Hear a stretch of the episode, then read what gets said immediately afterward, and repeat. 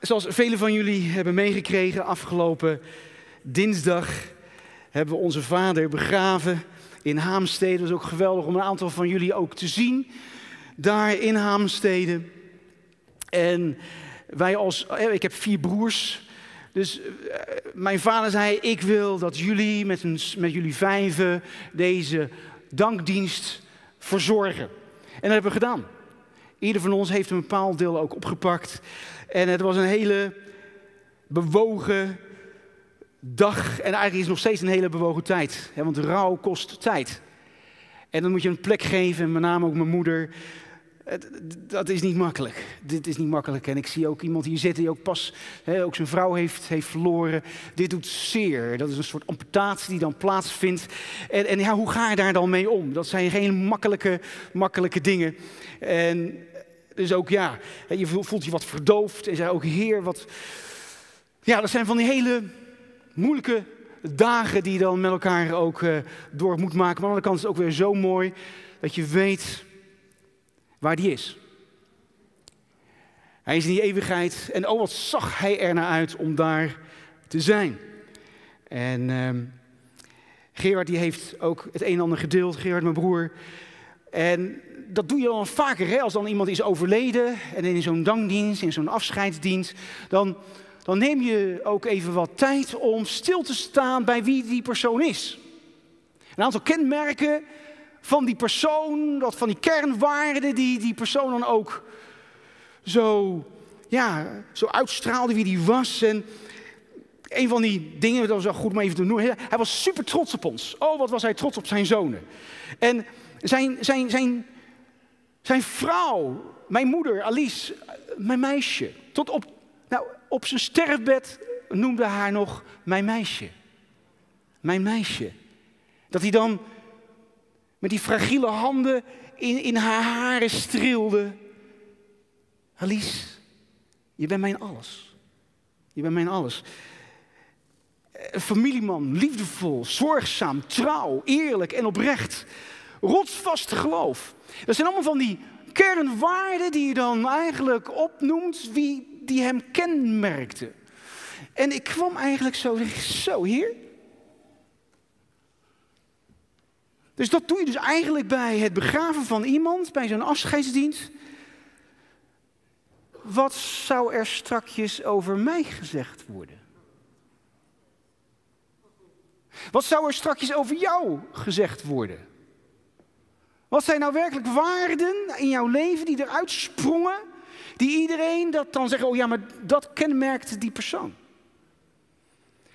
En dat sprak mij zo aan en ik ben ermee bezig gegaan en mee bezig geweest, zelfs midden in de nacht. Ik droomde erover en ik was ermee bezig, want ja, je moet het allemaal verwerken. Uh, Tante Greta, die bad vorige week nog zo, vorige week zondag, dat er een gezonde rouw zou zijn, een gezonde rouwperiode. En daar ben je al zo mee bezig. En ook voor vandaag, wat zijn nou kenmerkende waarden die jouw levenspad bepalen? En dan niet alleen voor jouzelf, want jouw waarden die hebben een directe invloed op jouw omgeving. En ik wilde ook even stilstaan gewoon bij het leven van Jozef. Wat was nou de kracht van Jozef? Want wij kennen zijn geschiedenis, wij hebben de Bijbel, wij hebben het woord van God. En wij, hebben, wij kunnen zijn levensverhaal lezen. En ook uit zijn leven kunnen wij kenmerkende waarden halen die Jozef weerspiegelde, die hij was.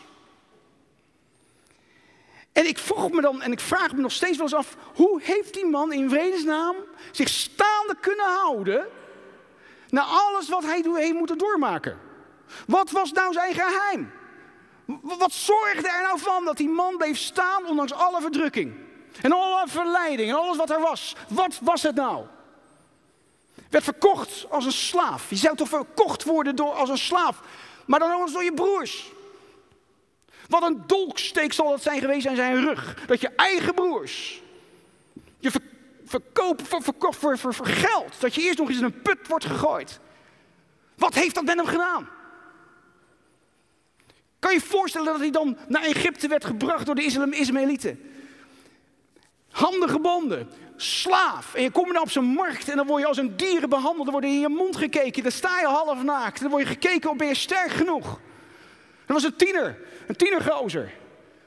Sprak de taal niet, kende de cultuur niet, was totaal overgeleverd. Wat deed dat met hem?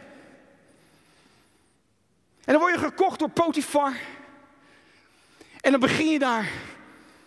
En dan doe je je best. En dan is daar zo zo'n vrouw. Die dan gek op jou wordt, die dan verliefd op jou wordt. En die je dan uiteindelijk vals beschuldigt. En, hij en je wordt dus vals beschuldigd en dan word je nog in de put gegooid ook.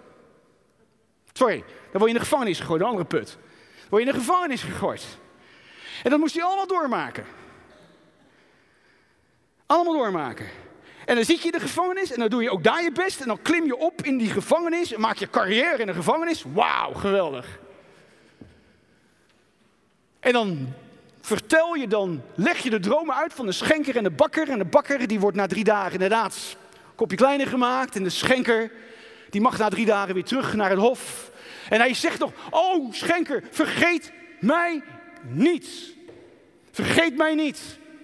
Vergeet me niet, want ik zit hier onschuldig. Onschuldig. Ik ben vals bejegend. Het is allemaal niet waar wat ze over me hebben gezegd. Ik zit hier onschuldig. En de schenker die zal waarschijnlijk van alles hebben beloofd. Nee, natuurlijk niet, want ik ben je zo dankbaar. En hij gaat en hij wordt vergeten. Weet je hoe lang hij werd vergeten? Wat zegt de Bijbel? Hoe lang heeft hij daarna nog in de gevangenis gezeten? Wie weet dat? Twee jaar. De Bijbel zegt dat hij nog twee jaar lang in de gevangenis heeft gezeten. Hij werd vergeten. Wat heeft dat allemaal met hem gedaan? Wat heeft dat allemaal met hem gedaan? En dan uiteindelijk, aan het eind van zijn leven, nee, niet aan het eind van het leven, maar meer aan het einde van die periode, dat uiteindelijk dus die onderkoning is geworden. Na twee jaar hongersnood kwamen zijn broers. Ze waren al een eerder geweest, er was van alles gebeurd. En toen kwamen daar zijn broers en hij had zijn broers gezien en hij moest zo huilen. Hij moest zo huilen. Maar was Jozef bitter geworden of was hij er beter van geworden? Hij was er beter van geworden. Een stukje uit de Bijbel waar het staat, als het goed is, is dat ook, heb ik daar een plaatje van. En die broers die kwamen dichterbij, dichter bij Jozef. Van, hij zei, joh, kom even dichterbij. En hij zei toen tegen zijn broers, ik ben jullie broer Jozef, die jullie, die jullie naar Egypte hebben verkocht. Bam! Die broers, die wisten niet wat hem overkwam. Ze van, wat? Dit, dit, dit kun je niet zomaar verzinnen. Dit is echt helemaal bedacht door God. Dit is geen toeval. Toeval bestaat niet. Als wij God dienen, als wij God volgen, als wij God willen volgen, dan is er geen, is er geen toeval. Wees daar nu niet verdrietig over. Wees niet boos op elkaar dat jullie mij hierheen hebben verkocht. Want hij kende zijn broers. Want God heeft mij, want God heeft mij jullie, voor jullie uitgestuurd om jullie te kunnen redden. Want er is al twee jaar hongersnood in het land en er komen nog vijf jaren waarin niet geploegd en niet geoogst zal worden. En dan nog een keertje. Daarom heeft God mij voor jullie uitgestuurd om ervoor te zorgen dat jullie in leven zouden blijven. Hij wil jullie op een heel bijzondere manier redden. Met andere woorden, alles wat hij hier zegt is gefocust op die ander. Op die ander. Het ging niet om hem, nee, het gaat om die ander. God heeft mij gestuurd om jullie te helpen. Met andere woorden, wat een houding. Wat een volwassen houding sprak hiervan uit. Niet jullie hebben mij hierheen gestuurd, maar God heeft mij hierheen gestuurd. Hij heeft mij raadgever van de farao gemaakt. Ik ben heer over al zijn dienaren en heerser over heel Egypte. Ga snel naar vader, ga snel naar papa en zeg tegen hem, uw zoon Jozef zegt tegen u, God heeft mij tot heerser over heel Egypte gemaakt. Kom zo gauw mogelijk naar mij toe. En Jacob kon het niet geloven. Die kon het niet geloven. Maar wat was nou? Wat was nou de secret? Wat was nou de, de sleutel voor Jozef? Wat was nou zo'n geheim om op deze manier, na alles wat hij heeft doorgemaakt, op deze positieve manier zijn broers te benaderen? Je zal het maar allemaal hebben moeten doormaken. Van de put naar de poet en van de poet naar het paleis. Onvoorstelbaar wat deze man heeft doorgemaakt. Oké, ik ben ermee bezig geweest. ik denk van, heer, hoe werkt dat nou? Wat is dan de anatomie van dat leven? Hoe, hoe werkt dat dan? Hoe, hoe zit dat dan? God is een moreel wezen. God is ook een moreel wezen. Naast de natuur en naast al die natuurwetten zijn er ook morele, ethische wetten die God in de schepping heeft gelegd. Daar zijn omgangsvormen zoals God dat heeft bedacht, zoals God dat heeft bedoeld voor jou en voor mij. En niet alleen voor jou en voor mij, maar voor de hele wereld. God schiep, God sprak en het was er. De schepping. Kennen we allemaal, weten we allemaal, Genesis hoofdstuk. Maar in die schepping heeft dus God nog veel meer gelegd. God heeft principes en waarden gelegd, morele ethische waarden, in die schepping. En dat heeft hij gedaan in al zijn, in al zijn wijsheid. Op een gegeven moment heeft God aan het volk Israël wat gegeven, de tien geboden. Ik heb er een plaatje van, de tien geboden. Onze eerste reactie, ook als mens, is: oké, dat zijn allemaal geboden. Allemaal dingen die je niet mag. Dat is zo'n soort waarschuwende vinger. Oh wee, oh wee. Als je dat. Oh, oh, oh, oh. Dat is een gebod. Een gebod. Dat, is, ja, dat, dat komt binnen. Ja, nee, dat mag dus niet. Waarom heeft God de tien geboden gegeven? Wat zit daaronder? Want God heeft niet zomaar ons allemaal wetjes gegeven om daarmee met jou naar een soort ijzeren vinger naar jou te wijzen en te kunnen wijzen om jou eens eventjes lekker straf te kunnen geven. Maar is een, een van de eerste dingen die je dan ook wel eens hoort. Ja, maar als ik dan christen word, als ik dan Jezus, dan mag ik ineens een heleboel niet meer. Degene die dat zegt, begrijpt niet wat God bedoeld heeft met die tien geboden. Want daar zit iets onder. Daar zit een reden onder waarom God dit heeft gegeven. We zeggen wel eens, ja, oh, vrijheid. Vrijheid betekent niet doen en laten wat je zelf wil. Jij als tiener denkt van, oh, ik wou dat ik alles kon. Ik wou dat ik gewoon mijn ding kon doen, lekker mijn eigen ding kon doen, mijn eigen zin kon doen. Dat is geen vrijheid. Vrijheid heeft begrenzing nodig. Echte vrijheid heeft een context nodig. En het is precies wat God ons gaf: een begrenzing, een beschermingsconstructie rondom jou en rondom mij, rondom de samenleving, om ons te beschermen. Dit wat God hier ons heeft gegeven, is voor jou en mij ter bescherming. Waarom heeft Hij jou die bescherming gegeven? Omdat Hij zoveel van jou houdt. Dus die hele tien geboden daarachter, wat hij heeft gelegd in die schepping, is ik hou zoveel van jou, want al zo lief heeft God de wereld gehad, dat hij zijn enige geboren zoon gegeven heeft, omdat een ieder die in hem gelooft, niet verloren gaat, maar dit is zijn hele drijfveer. God wil niets liever dan dat, hij, dat jij voelt en ervaart en weet dat hij van jou houdt. En daar zijn dan allerlei beschermingsconstructies voor nodig om jou te beschermen. En dat zijn dan ja, die, die geboden, die regels. Want dat zijn allemaal omgangsvormen om vanuit respect ook met elkaar om te gaan, opdat we niet over de grens gaan van de ander. Weer, dan ga je dus een grens over. Waarom is er zoveel pijn en zoveel verdriet? Waarom kunnen we elkaar zo pijn en verdriet doen? Omdat wij dan gaan over de grenzen van die ander. Terwijl God zegt, joh, ik wil jouw grenzen respecteren. En ik heb ook grenzen gegeven in mijn schepping. En hou je nou aan die begrenzing die ik daar heb gegeven. Dat brengt echte vrijheid. Dat brengt echte vrijheid. Dus dat is wat hij is. En alle natuurwetten, als we naar de schepping kijken, want dat is het makkelijkst, want dat kan je zien. Dat kun je zien. Je kan de schepping zien. En het bijzondere is dat alles is heeft een natuurlijk evenwicht. De afstand van de zon naar de aarde, dat is, dat is spot on.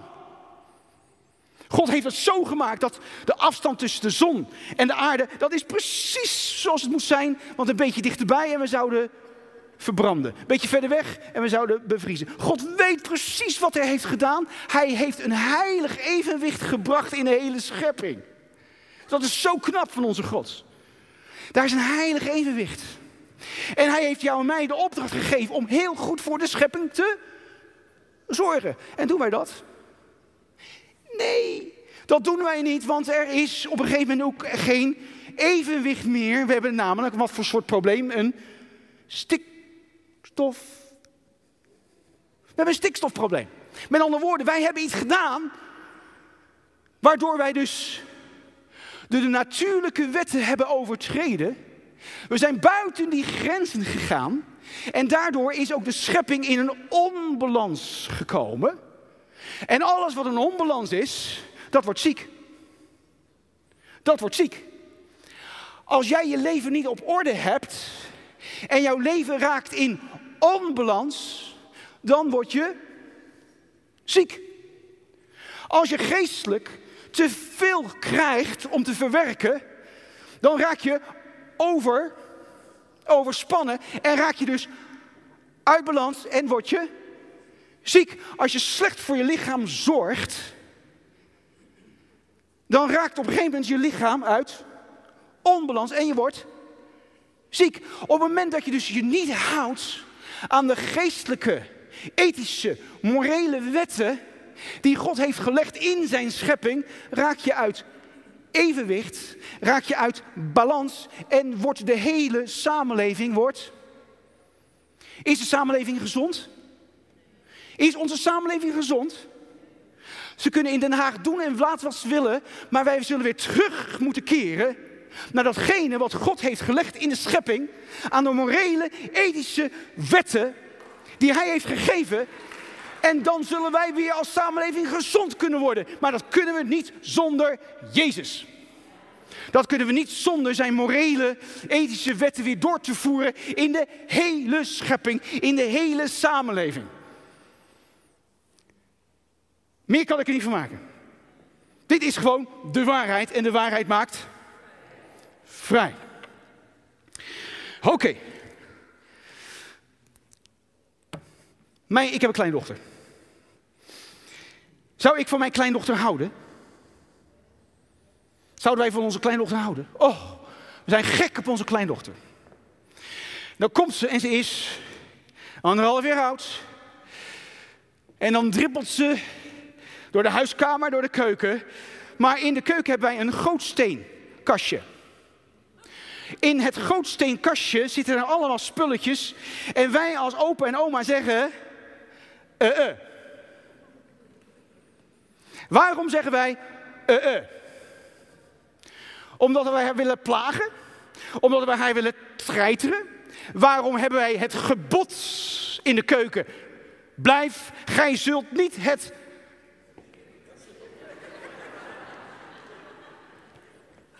Voelt u wat ik voel? God zegt allemaal, gij zult niet, gij zult niet, gij zult niet. En wij zeggen tegen onze jongste, om onze kleindochter, gij zult niet. Jij lieve schat. Waarom? Wij willen jou, eh, wij willen jou beschermen, omdat wij zoveel van jou houden. Onze, onze liefde voor haar is zo groot dat wij grenzen aangeven. En God is precies hetzelfde. En ik neem haar mee naar buiten. En ik zeg, lieve schat, we hebben een vijver. Uh. En dan kijkt ze. Oké. Ze snapt het. Maar ze voelt het hard. Ze voelt dat we zoveel van haar houden. Maar de vijver. Uh. Ik neem haar bij naar de begrenzing van de tuin. Daarover, over deze lijn. Uh-uh. Vind je dat leuk? Stom hè? Daar zit dan zo'n natuur in, zo'n naughty nature, zo'n ondeugend zondige. Die wil dat dan toch proberen en dan zeggen wij. Uh-uh. En ik nam haar mee naar het kiphok. Klein gietje. En ik heb vrij grote kippen. En die kippen die stonden op een gegeven verhoging. En ze stond zo naar die kip te kijken. En ze stond zo op ooghoogte met die kip. En wat doet ze? Ze steekt haar vingertje in de lucht naar die kip. Uh -uh.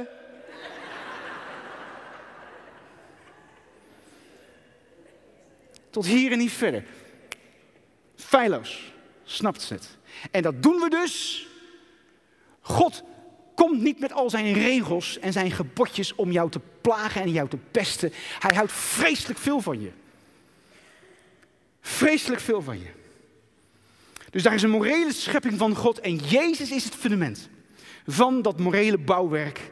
En de bouwstenen waarmee wij mogen bouwen, dat zijn principes en waarden. En het cement tussen die bouwstenen van waarden en principes is liefde. Dat is liefde. Cement is die liefde. Nou, wat is nou een principe? Een principe is een tijdloze waarheid. Een tijdloze waarheid, door God gemaakt, door God bedoeld, door God geschapen, door God gelegd in de hele schepping. Dat is een principe. En een kenmerk van een principe is, zoals Jezus is de weg, de waarheid en het leven. Daar kan je niet omheen. Waar je ook naartoe gaat in de hele wereld, Jezus blijft altijd de weg, de waarheid en het leven. Dat is een principe. Waar je ook naartoe gaat, waar je ook bent in de hele wereld, ook al is de hele samenleving er tegen gekeerd, maar God zegt, zo is het en niet anders. Dan kunnen wij ons druk maken, dan kunnen wij ons, ons, ons nou, dan kunnen we er tegen gaan protesteren. We kunnen naar Den Haag, we kunnen naar het Malieveld en zeggen van. En God zegt, hey guys, wat maken jullie nou druk? Ik heb het gewoon bepaald. Dit is een principe. Dit is een tijdloze waarheid. En het is maar het beste voor jou om die tijdloze waarheid door te voeren in, in alles wie jij bent. Want dat maakt je vrij. Want een principe maakt je ook vrij. Want een principe is een stukje van de grote waarheid. Een waarde is ongeveer hetzelfde, maar dat heeft ook nog weer te maken met een persoonlijke overtuiging. Het is een persoonlijke overtuiging in het fundament van je leven. Het is geen mening. Een waarde is geen mening. Er is een verschil tussen een mening en een overtuiging. Want een mening, daar kan je heel snel van afwijken. afwijken. Ja, een mening is een mening. De ene keer kan het regenen en de andere keer kan het eh, stormen. Dat is een mening. Dan kan ook kan het veranderen, net zoals het weer. In Nederland. Maar een waarde, dat is een overtuiging. Dat is iets wat je vasthoudt. Wat je, dat is als een anker in jouw leven. Dat is een anker in jouw leven. Dat zit vast aan die rots. Want als je een boot hebt, elke boot heeft als het goed is, misschien zo'n, nou ja, wel zo'n plastic bootje op de zee en dergelijke. En dat was heel erg leuk. Er zat geen anker aan. Maar gewoon een normaal schip heeft een anker. En dat anker wordt uitgegooid. En dat moet vast gaan zitten op de grond, opdat de boot beschermd wordt. En dan kan het gaan stormen. En dan kan de, de golven kunnen hoog zijn, maar als dat anker vast zit aan, het anker, aan, aan, aan die rots, dan zit het goed. En onze anker dienen we ook uit te gooien. En wie is de rots aan wie we ons verankeren? Dat is Jezus. En dat doen wij dus onze waarden verankeren aan Jezus. En vanuit die waarden heb je normen. Een norm. Want we zeggen eens, er zijn, woorden, daar zijn waarden en er zijn normen. Maar een norm komt voort uit de waarde. Ik ga je een voorbeeld geven, waardoor het wat makkelijker wordt. En ik neem gewoon ons gezin als voorbeeld. Wij hebben drie prachtige mooie meiden. Die zijn inmiddels allemaal volwassen en allemaal het huis uit. Maar er was natuurlijk ook een tijd dat ze bij ons woonden, leefden. En dat was een hele mooie, boeiende tijd. En ik heb ook gemerkt, meiden zijn anders dan jongens. Ik kom uit een gezin met alleen maar jongens, vier broers. En als wij wat hadden met elkaar, dan, nou ja, dan gaf je elkaar toch gewoon even een klap, en bam, en dan was het wel redelijk opgelost. Maar meiden die zijn anders, heb ik gemerkt. En ik weet niet of jullie meiden anders zijn als je dochters hebt, maar er wordt nogal veel gepraat. Er wordt heel veel gepraat, er wordt gekibbeld en dergelijke. En, en nou goed, Leonie en ik zouden gaan trouwen. En ook gewoon voor het trouwen, wij, wij, wij dachten, joh, wat, wat, het is, we zijn vreselijk gek op elkaar. En, maar wat betekent het nou om te trouwen? Wat is dat nou precies om getrouwd te zijn? En we hadden natuurlijk wel onze ouders en allerlei andere voorbeelden. Maar wat wij hebben gedaan in die tijd om ons voor te bereiden op dat huwelijk. Wij hebben boeken gelezen. Over het huwelijk. We hebben boeken gelezen, we hebben naar videobanden gekeken, we hebben naar, dat was toen nog in die tijd, hè, videobanden. We hebben van alles. We hebben ons voorbereid op dat huwelijk. En toen we ook verlangen naar kinderen, wij hebben boeken gelezen over het opvoeden van kinderen. Want daar is namelijk een principe. En dat principe heb ik ook een plaatje van, en dat is een Bijbeltekst. De Bijbel zit vol met principes. En wat hebben we gezegd over een principe? Een principe is een tijdloze waarheid. Nog een keer. Een principe, dit moet je even proberen te onthouden. Een principe is een tijdloze waarheid. Zullen we het even zeggen met elkaar? Een principe is een tijdloze waarheid. En waarheid maakt vrij. En wie is de waarheid? Jezus. Dus dat principe zit direct gekoppeld aan de persoon Jezus. Snap je? En de Bijbel zegt: Mijn volk gaat te gronden door het gebrek aan kennis. Een huwelijk kan ten gronde gaan vanwege het gebrek aan kennis. Een hele opvoeding van kinderen kan ten gronde gaan door een gebrek aan kennis. Het bedrijf waar jij werkt kan helemaal ten gronde gaan vanwege een gebrek aan kennis. Een hele samenleving kan ten gronde gaan aan een gebrek aan kennis. Heel Den Haag kan ten gronde gaan.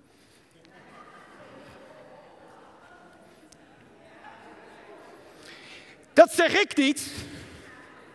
Er is blijkbaar een principe die God heeft gelegd in de samenleving. Die zijn niet, dat zijn niet mijn woorden.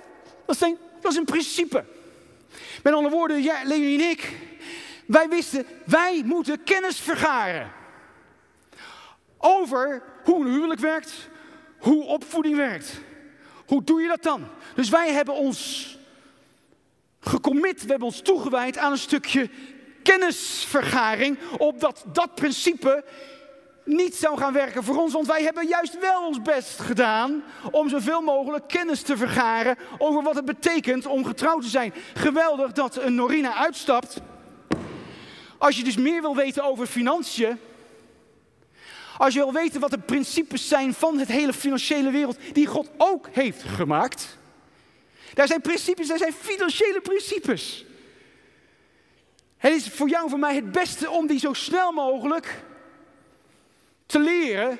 Geweldig dat een Norina daarin uitstapt en zegt: laten we met elkaar die tijd nemen om die financiële bijbelse principes te bestuderen, zodat wij financieel niet ten. Zo werkt het, is eigenlijk heel simpel.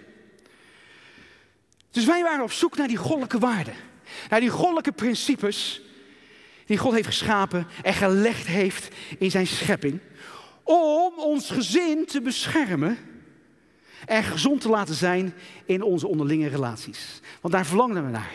Want wij wisten, wij hebben die kennis nodig. Wij hebben die principes nodig. We hebben die waarden nodig om ons gezin zo goed als mogelijk te kunnen beschermen, omdat wij van elkaar houden. Dat is altijd je onderliggende drijfveer. Nou, maar dan ben je er nog niet. Want je kan je hoofd vol hebben met kennis, dan ben je er nog niet. Wat heb je nodig? Lieve mensen, wat heb je nodig als je kennis hebt? Yes! Oh, jullie krijgen een tien. Jullie hebben wijsheid nodig. Want wat betekent wijsheid? Wijsheid betekent toegepaste kennis. De kennis die je krijgt, die moet je toe gaan passen. En op het moment dat je dat goed doet, betekent dat dat je wijsheid hebt. Want je kan je hoofd vol hebben van alles. Maar als dat niet omgezet is in een stuk wijsheid hoe je het daadwerkelijk moet toepassen, dan nog heeft die kennis geen zin. En de Bijbel is ook heel duidelijk dat als je wijsheid nodig hebt, wat zegt Jacobus 1? Jacobus 1 zegt, wat mogen we dan doen? Dan mogen we erom vragen. En God die wil heel graag ons wijsheid geven. Ja? Wijsheid is de eerste opstap naar het vergaren ook van kennis. Wijsheid heb je nodig om kennis te vergaren. Want wat is de grootste wijsheid die je kan hebben in je leven? Wat zegt de spreuken daarover? Alle begin van wijsheid is.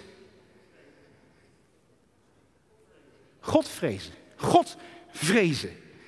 Begin met het vrezen van God. En in het vrezen van God zal God jou in die wijsheid jou gaan leiden naar heel veel kennis. En die kennis die kan je dan weer gaan toepassen in je leven. Nou, oké. We zijn getrouwd. We hebben drie prachtige mooie kinderen. Je hoofd kan vol zitten met allemaal kennis, maar dan komt het erop aan. Ik moet die kennis om gaan zetten in een stuk wijsheid. Want wat doe ik dan?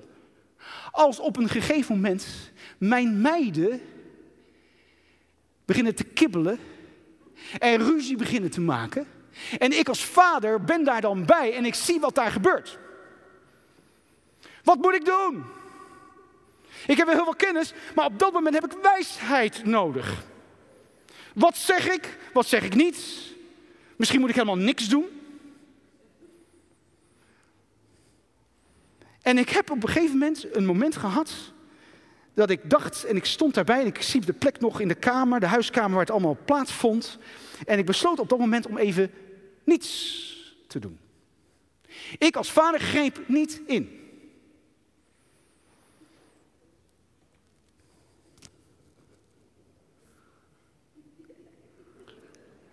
Wauw. Zo. En op een gegeven moment moest ik wel ingrijpen. Want woorden hebben kracht. Wow. Zo. Ik heb het voor mijn gevoel veel te lang door laten gaan en ik had er later spijt van. Met andere woorden, daar was namelijk een principe die ik op dat moment niet hanteerde. Want welk principe praten we over? Eh, volgende plaatje. Dit is een principe, lieve mensen. Oh, als je dit principe gaat toepassen in jouw leven. Dit is niet alleen voor het gezin, dit is niet alleen voor je huwelijk, maar dit is ook voor je werk. Dat is ook voor de straat, dat is ook voor de gemeente. Overal waar jij bent, ook voor je kleine groep. Zullen we het even lezen met elkaar? Dan kan je het misschien beter herinneren. Staan we 1, 2, 3. Getolereerd gedrag wordt uiteindelijk goedgekeurd gedrag. Nooit meer vergeten. Waar je ook gaat in de wereld. Je gaat naar Thailand, je gaat naar Australië, je gaat naar Zuid-Afrika, je gaat naar de Rimboe. Maakt niet uit, we praten hier over een principe. En het principe is een tijdloze waarheid. En die waarheid die geldt overal, waar je ook bent. Dus ook in de Rimboe. En ook bij Patrick de Groot en Leonie de Groot thuis. Want wat deed ik als vader? Ik tolereerde het gedrag van kibbelen. Ruzie maken met woorden. Ik tolereerde dat op dat moment. En wat doe je dan met tolereren van gedrag? Uiteindelijk, als je dat niet blijft corrigeren, dan wordt dat goedgekeurd gedrag. En je zal het herkennen in jouw leven, waarin je soms het gedrag van een ander, dat irriteert, dat frustreert, maar je zegt niks. En die ander, die weet niet beter en die gaat maar door en maar door en maar door. En op een gegeven moment begint dat in jou langzaam te zeker te koken, te koken, te koken, te koken, te koken. En dan ineens is er een uitbarsting. En die ander zegt, oh. En hoe komt dat? Je hebt te lang ge... Je hebt te lang getolereerd dat gedrag en daarin heeft die ander het gedacht dat het goedgekeurd gedrag was. Heel duidelijk principe. En wat hebben we toen gedaan? Ja, ik moest dus ingrijpen. Ik moest het principe moest ik gaan brengen in mijn gezin. Waarin je zegt: nee, nee, nee, nee, nee, dit gedrag tolereren wij niet in ons midden. Want dit principe, daaronder zit een waarde. Dit is een principe en wat is nou de onderliggende waarde? Dat is respect. Wij respecteren elkaar. Wij gaan niet zomaar over de grenzen van een ander. Nee, tot hier en niet verder.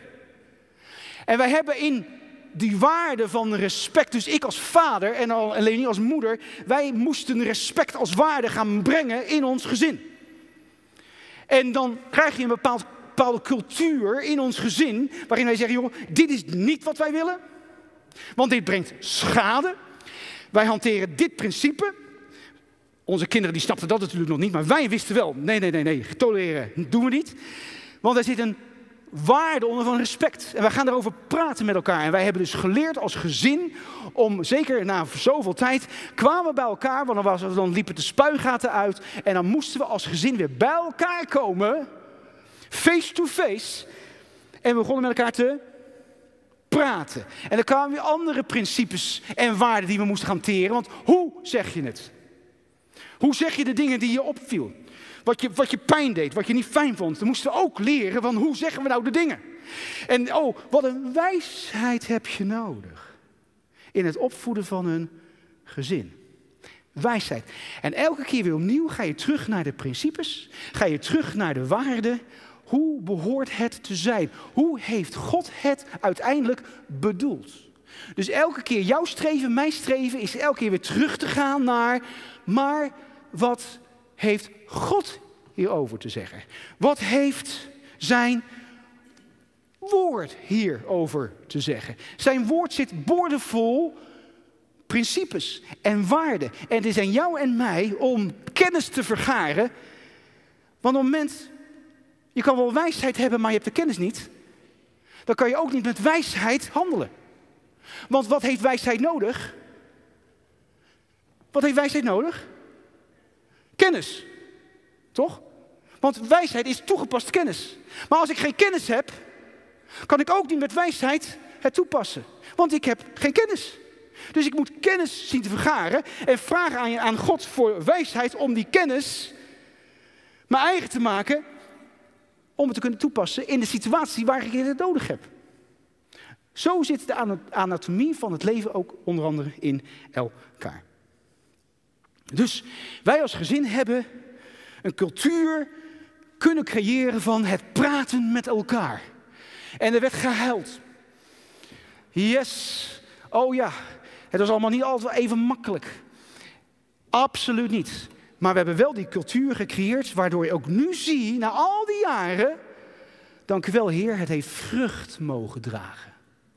Want ook al was het lastig, ook al was het moeilijk, maar we, we noemden Man, nee, hoe zeg je dat? Man en paard? Zoiets. Voorbeeld van Jozef. Eh, volgt u me nog allemaal? Helpt dit een beetje? Voorbeeld van Jozef. We gaan even terug weer naar Jozef. Uit wat voor milieu, uit wat voor gezin, uit wat voor familie kwam Jozef? Hey, laten we nou even eerlijk zijn, hè? Het gezin van Jacob met zijn twaalf zonen, twee vrouwen, was gewoon een dysfunctioneel gezin. Sorry, als ik dat zo lees, als, twee vrouwen, moet je al sowieso niet aan denken. Maar die twee vrouwen, dat waren ook nog zussen van elkaar. Ze hebben een totaal valse start gemaakt. Jacob heeft zeven jaar voor Rachel gewerkt. En wat krijgt hij na zeven jaar? Die vrouw met die fletse ogen. Waarschijnlijk misschien een beetje loenze. In ieder geval, ze was niet knap. En wat een valse start. Moest je weer zeven jaar werken. Voor Rachel. Ha, ik kreeg Rachel wel er gelijk bij. Maar moest nog wel even zeven jaar werken. Wat heeft dat gedaan? In die situatie. Dat was niet makkelijk. Er was gewoon ook een onderlinge strijd tussen Lea en Rachel. Was gewoon een soort wedstrijdje. Wie kon de meeste kinderen krijgen voor Jacob?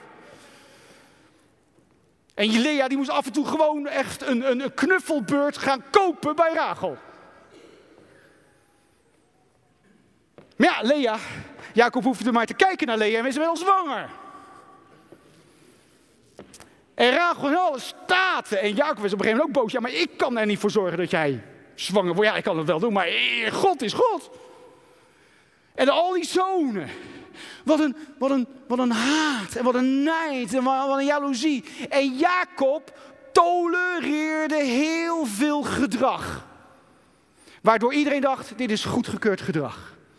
En Jacob hield, hielp ook nog een beetje mee.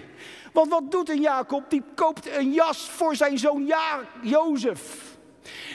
Hij trok Jozef voor. Dom hoor. Sorry. Als ouder trek je nooit een kind voor ten opzichte van een ander. Toch? Want wat doet het met jou als jij weet dat je oudere broer of je oudere zus, of jongere broer of jongere zus, wordt voorgetrokken? Dat doet het je. Is niet goed. Maar Jacob weet het wel. Jij krijgt van mij een prachtige mooie jas. En Jozef als tiener, ja. Jozef, ga je eens eventjes eh, checken met ze. Wat ze allemaal aan het uitvreten zijn. Oh, jouw vader doe ik graag. Wat een, oh, wat een akelig mannetje zal dat zijn geweest in zijn tien jaren. Zo klikspaan. Eh. Maar Jozef deed het dan, een paar maanden met zijn jasje. Kwam hij aanlopen en die broers, oh. Gewoon een dysfunctioneel gezin, haat en nijd. Heel veel getolereerd gedrag. En wat gebeurde er nou uiteindelijk? We kennen het hele verhaal. Dus dit was de voorkant van het leven van Jozef. Maar oh, wat heeft Jozef een proces doorgegaan. Wat is die man veranderd? En hoe kwam het? Hoe komt het nou? Hoe komt het nou? En daar begon ik mee. Hoe komt het nou dat hij er zo goed is uitgekomen? En dat komt omdat hij zich vast heeft gehouden. Hij heeft zijn leven verankerd aan principes, aan waarden. En die heeft hij geankerd om God. Want hij wist, het enige wat ik nog maar over heb. In alles wat ik ben kwijtgeraakt, zijn mijn principes en zijn mijn waarden. Want die zijn voor mij waarheid. En hij wist al op de een of andere manier, hoe jong hij was, waarheid maakt mij vrij. Die tekst had hij nog niet. Maar hij voelde en wist in zijn hart. Ik moet mijzelf vastklampen aan God en aan zijn principes. En dan krijg je dat gedeelte. Die we allemaal kennen.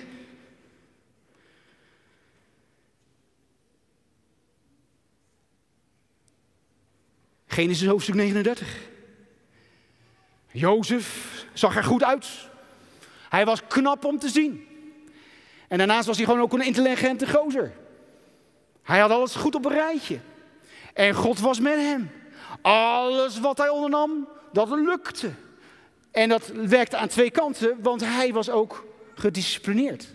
Hij was trouw. Hij was betrouwbaar. Je kon op hem rekenen. Je kon op hem bouwen. Dat waren allemaal waarden en principes die Jozef had omarmd, had geïntegreerd in zijn doen en laten. En dat betekende, hij was betrouwbaar. Hij deed niet betrouwbaar.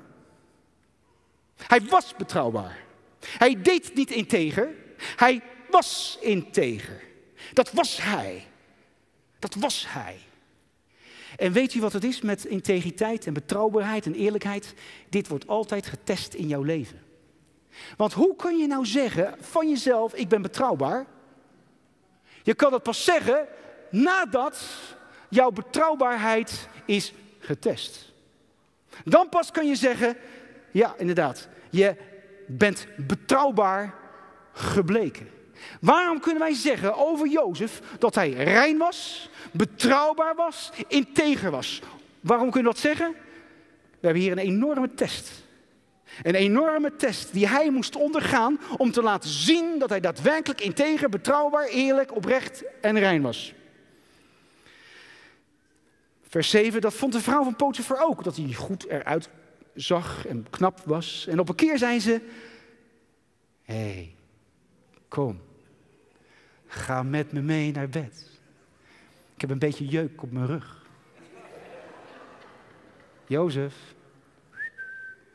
lieverd, laat mij je werk even, even staan. Jozef, Jozef. Je bent een slaaf. Die vrouw, jij was haar. Jozef was het eigendom van deze vrouw.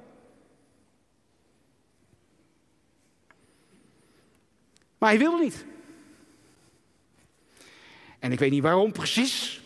Het kan zijn dat ze er niet zo knap uitzag. Misschien stonk ze wel erg uit de mond. Ik, ik weet het niet. Maar hij wilde niet. Maar we zeggen, we kunnen nu lezen waarom. Mijn Heer laat alles wat hij heeft aan mij over. Hij hoeft zich nergens meer mee bezig te houden. Ik heb de leiding over alles wat hij heeft. Niemand in dit huis heeft meer macht dan ik. Hij heeft mij alles gegeven. Alleen u heeft hij mij niet gegeven, omdat u zijn vrouw bent.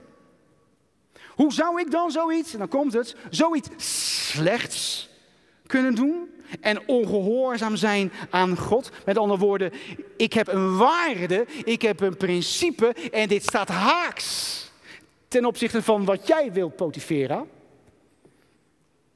Dit wil ik niet, want ik, ga, ik kan mezelf daarna niet meer in de spiegel aankijken, want ik ben ongehoorzaam geweest. Dit past niet bij wie ik ben. Ik ben dit niet.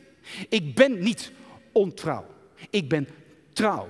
Ik ben integer. Dit zit in mij. Dit is wie ik ben. Daardoor ben ik zo ver gekomen in mijn slaaf zijn. In al mijn verantwoordelijkheden die ik heb gekregen van uw man. Maar dan, hè? Ik heb het zelfs even een kleurtje gegeven. Elke dag Jozef. Elke dag zeurde, zegt de Bijbel, zeurde ze. Jongens, als een vrouw, even tegen de mannen, als een vrouw gaat zeuren.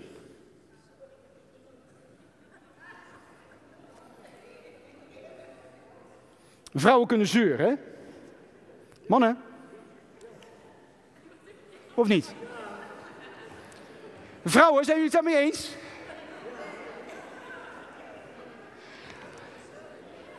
Ik laat dat even in het midden. Ik maak er geen principe van. Ik maak er ook geen waarde van. Maar ik weet alleen wat de Bijbel zegt over deze vrouw, over Potifera. Zij zeurde elke dag.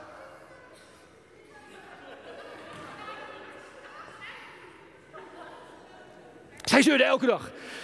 En wat, wat een stamina van een Jozef. Vinden jullie die niet knap?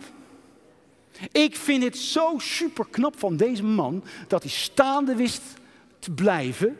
Ondanks die enorme verleidingen die op hem afkwamen. Want hij wist wie hij was in God. Hij zei nee, nee, nee. En op een gegeven moment pakte zij haar bij zijn lurven. Van nu kom je met me mee. En Jozef dacht van nee. En hij scheurde zich los van haar. Hij liet zijn mantel, mantel, weer zo bijzonder, hè? zijn mantel liet hij achter bij, zijn, die vrouw. En hij vluchtte weg. Wauw, wauw, wauw. Wat is het goed om af en toe te vluchten. Om weg te vluchten. Om keihard weg te rennen. En zeggen van nee, dit wil ik niet, want ik wil mijzelf in de spiegel kunnen blijven aankijken. Want dat voel je je ellendig op het moment dat je toch vergaas gaat. En David, een koning, hij, David, hoe ging het nou bij hem? Ging niet helemaal goed, hè, bij David.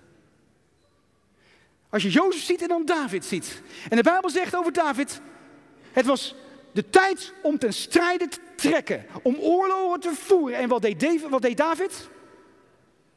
Hij bleef thuis. Hij ging niet, hij deed, hij deed zijn verantwoordelijkheid niet nakomen. Hij had eigenlijk daar moeten zijn. Bij zijn generaals, bij zijn soldaten. Het was een seizoen om ten oorlog te strijden. Maar dat deed hij niet. Hij bleef thuis en hij stond daar op het dak en hij keek. En hij zag iets moois. Wauw. En ik denk en ik vermoed dat Bathseba wel een beetje wist dat de koning aan het kijken was. Vermoed ik. Weet ik niet zeker, staat niet in de Bijbel. Maar ik kan me ook toch wel voorstellen als een vrouw zijnde dat je zo... Vind ik een beetje... Maar goed, in ieder geval, David keek één keer en die ene keer kijken, nou ja, dat kan gebeuren. Je kan altijd, ja, je kijkt wel eens een keertje en dan denk ik, oh, oh, oh. Maar die tweede keer kijken was fout. Denk er altijd over na. Die eerste keer, dat kan, dat kan gebeuren. Je oog valt erop, oh, oh, oh oké. Maar zorg altijd voor, kijk niet de tweede keer. Maar David, maar David keek niet twee keer, hij keek niet drie keer. Hij bleef kijken. En het beviel hem wat hij zag. Op dat moment, het anker, de waarde van reinheid, betrouwbaarheid, oprechtheid, van integriteit, dat anker liet hij los. En wat gebeurt er als je een anker loslaat in jouw leven? Wat gebeurt er met een boot als de anker loslaat? En er komt een storm van onreinheid. Er komt een storm binnen in je leven. En David ging voor Gaas en het schip, zijn persoonlijke schip, zijn privéschip, liep op de klippen. Na die daad, nadat hij vreemd was gegaan, nadat hij ontrouw was geworden, nadat hij zelfs Uzia, de vrouw, de man van Bathseba, had vermoord. Dat allemaal had een effect op zijn leven. Hij opende daarmee een deur voor het Rijk der Duisternis. En de Rijk der Duisternis die kwam met mannennacht binnen. Omdat David zijn anker had losgelaten. En tot zijn dood heeft hij problemen gehad. Absalom, zijn zoon, die probeerde een koep te plegen. En dat was hem voor een tijd ook gelukt. Onreinheid kwam binnen. Rebellie kwam binnen. Allemaal deuren die opengingen nadat hij zijn waarde had losgelaten. Lieve mensen, het is nooit te laat om deuren te sluiten. Ik, ik weet niet wat, er, wat voor deuren er bij jou openstaan. Wat voor waarden jij hebt losgelaten in jouw leven. Maar ik wil jou uitdagen, ik wil jou vragen. Laten we weer teruggaan naar die oorspronkelijke waarden, die oorspronkelijke principes die God ons heeft gegeven vanuit zijn woord. En laten we, als een, laten we ons daaraan zelf verankeren. En die, dat anker als het ware op zo'n rots, weet je, als je hebt hier zo'n rots, stel dat, dat dit Jezus is, dat we ons anker van al die waarden van reinheid, integriteit, betrouwbaarheid, dat we dat eromheen doen, zeggen, Heer, ik laat u niet los. Want op het moment dat alles, alles omvalt in jouw leven, zoals bij Jozef gebeurde, weet je wat zo krachtig is? Door betrouwbaar te zijn, ook al voel je het niet, ook ervaar je het niet, de hele wereld staat tegen jou op en jij bent betrouwbaar en zelfs je moet de gevolgen daarvan ondervinden. Je wordt vals beschuldigd, je komt de gevangenis in, maar hij bleek betrouwbaar te zijn. Waarom is, gaat er zoveel kracht in hout. Want die betrouwbaarheid is een stukje van de waarheid. En door die betrouwbaarheid te zijn, val je als het ware terug op God. Want Jezus is betrouwbaar. Jezus deed niet betrouwbaar, hij is betrouwbaar. En door, dus, dus als alles tegen zit en je weet niet meer waar je moet beginnen, val weer terug op de oorspronkelijke principes en de waarden. Want door dat te doen, door je vast te houden aan die waarden, van integriteit, betrouwbaarheid, empathie, noem het allemaal op, die, die honderden waarden die er zijn, dan val je als terug op de persoon Jezus. Je vereenzelvigt jezelf met Jezus. Doordat als ik betrouwbaar ben, vereenzelvig ik mezelf met Jezus. En komt daar die verbinding met Jezus. En Jezus maakt mij vrij, want ik heb me vereenzelvigd met Jezus. En die waarheid die Hij is, komt vrij ook in mijn leven. Ook is de hele wereld, want ook, ook jij op je werk. Jij wordt uitgedaagd, je wordt verleid, er gebeuren allemaal dingen. Maar op het moment dat jij ervoor kiest om tegen de stroom in te gaan, zeg je, maar ik ben betrouwbaar. Ik ben integer. Ik doe hier niet aan mee. Ook al keert het hele bedrijf zich tegen je en zou je misschien ontslagen kunnen worden, maar je komt thuis, maar je zegt, Heer, maar dank u wel. Dank u wel. Ik heb voor u gestaan. Ik heb voor de waarheid gestaan. Door betrouwbaar te zijn, door integer te zijn, heb ik een stukje van uw natuur, van uw wezen, van de morele wezen die u bent, heb ik getoond. Want door betrouwbaar te zijn, toon je Jezus. Door integer te zijn, toon je Jezus. En dat zet je vrij. En dat maakt je vrij en dat, oeh, dat geeft je kracht en power. Dus de kracht van de Heilige Geest in jou, doordat je je vereenzelvigt met Jezus. Omdat in principe een tijdloze waarheid is. En laten we vandaag deuren gaan sluiten. Deuren van onreinheid. Deuren van onbetrouwbaarheid. Allerlei deuren die daar zijn, die geopend zijn naar het Rijk der Duisternis, waardoor gewoon de machten van hel binnen kunnen komen. En niet alleen jouw leven raken, maar ook jouw kinderen en jouw kleinkinderen. Tot in het vierde geslacht. Maar door de deuren te openen van de zegen van God, dan gaat die zegen komen. En ik zie dat bij mijn vader. Hoe de zegen kan komen over zijn kinderen en over zijn kleinkinderen. En zijn kleinkinderen, zijn achterkleinkinderen, tot in het duizendste geslacht. Halleluja. Want de zegen van God is zoveel malen krachtiger dan de vloek. En de Satan is onder onze voet. En wij gaan deuren sluiten van onreinheid. We gaan de waarde en de principes vanuit Gods woord toepassen in ons leven en ook in de gemeente. We gaan de tijd in waarin we de waarde van de levend woord gemeente gaan, gaan herstellen, gaan bepalen, gaan neerzetten. Waarin wij zijn, waarin we met elkaar tegen elkaar zeggen, zo gaan wij met elkaar om in de levend woord gemeente. Volgende week ga ik hierover verder. Volgende week krijg je deel 2 te horen. Als je dat interessant vindt tenminste.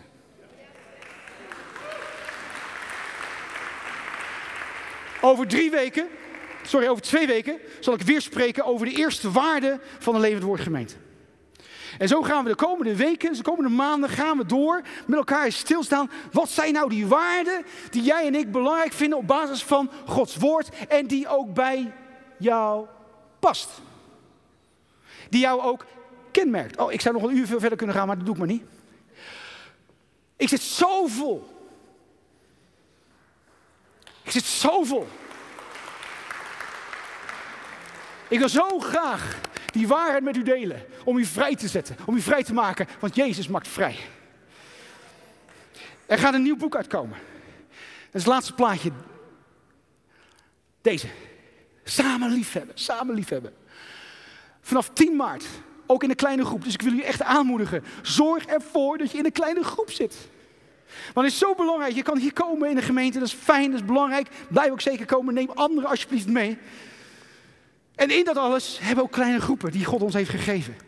En we gaan zes belangrijke waarden bespreken in de kleine groep. En ik heb weer, net zoals we in de campagne hebben gedaan, heb ik opnieuw een boek geschreven. Een werkboek met allemaal prachtige mooie vragen. Dit heeft u nodig in uw leven. Ik wil, ik wil u zo graag aanmoedigen ik mag je niet verplichten en ik zal je niet verplichten, maar ik kan je wel aanmoedigen. Zorg ervoor dat je op een of andere manier opgelinkt bent met een kleine groep. Waardoor je dit mee kan gaan maken in die kleine groep. Alle hosts, over twee weken op 10 maart, krijgen alle hosts, dus ook alle hosts, zorg dat je hier bent. Jullie krijgen allemaal weer een stapel boeken aan de hand van hoeveel, hè, hoeveel mensen er komen in je kleine groep. Jullie krijgen allemaal weer gratis en voor niks.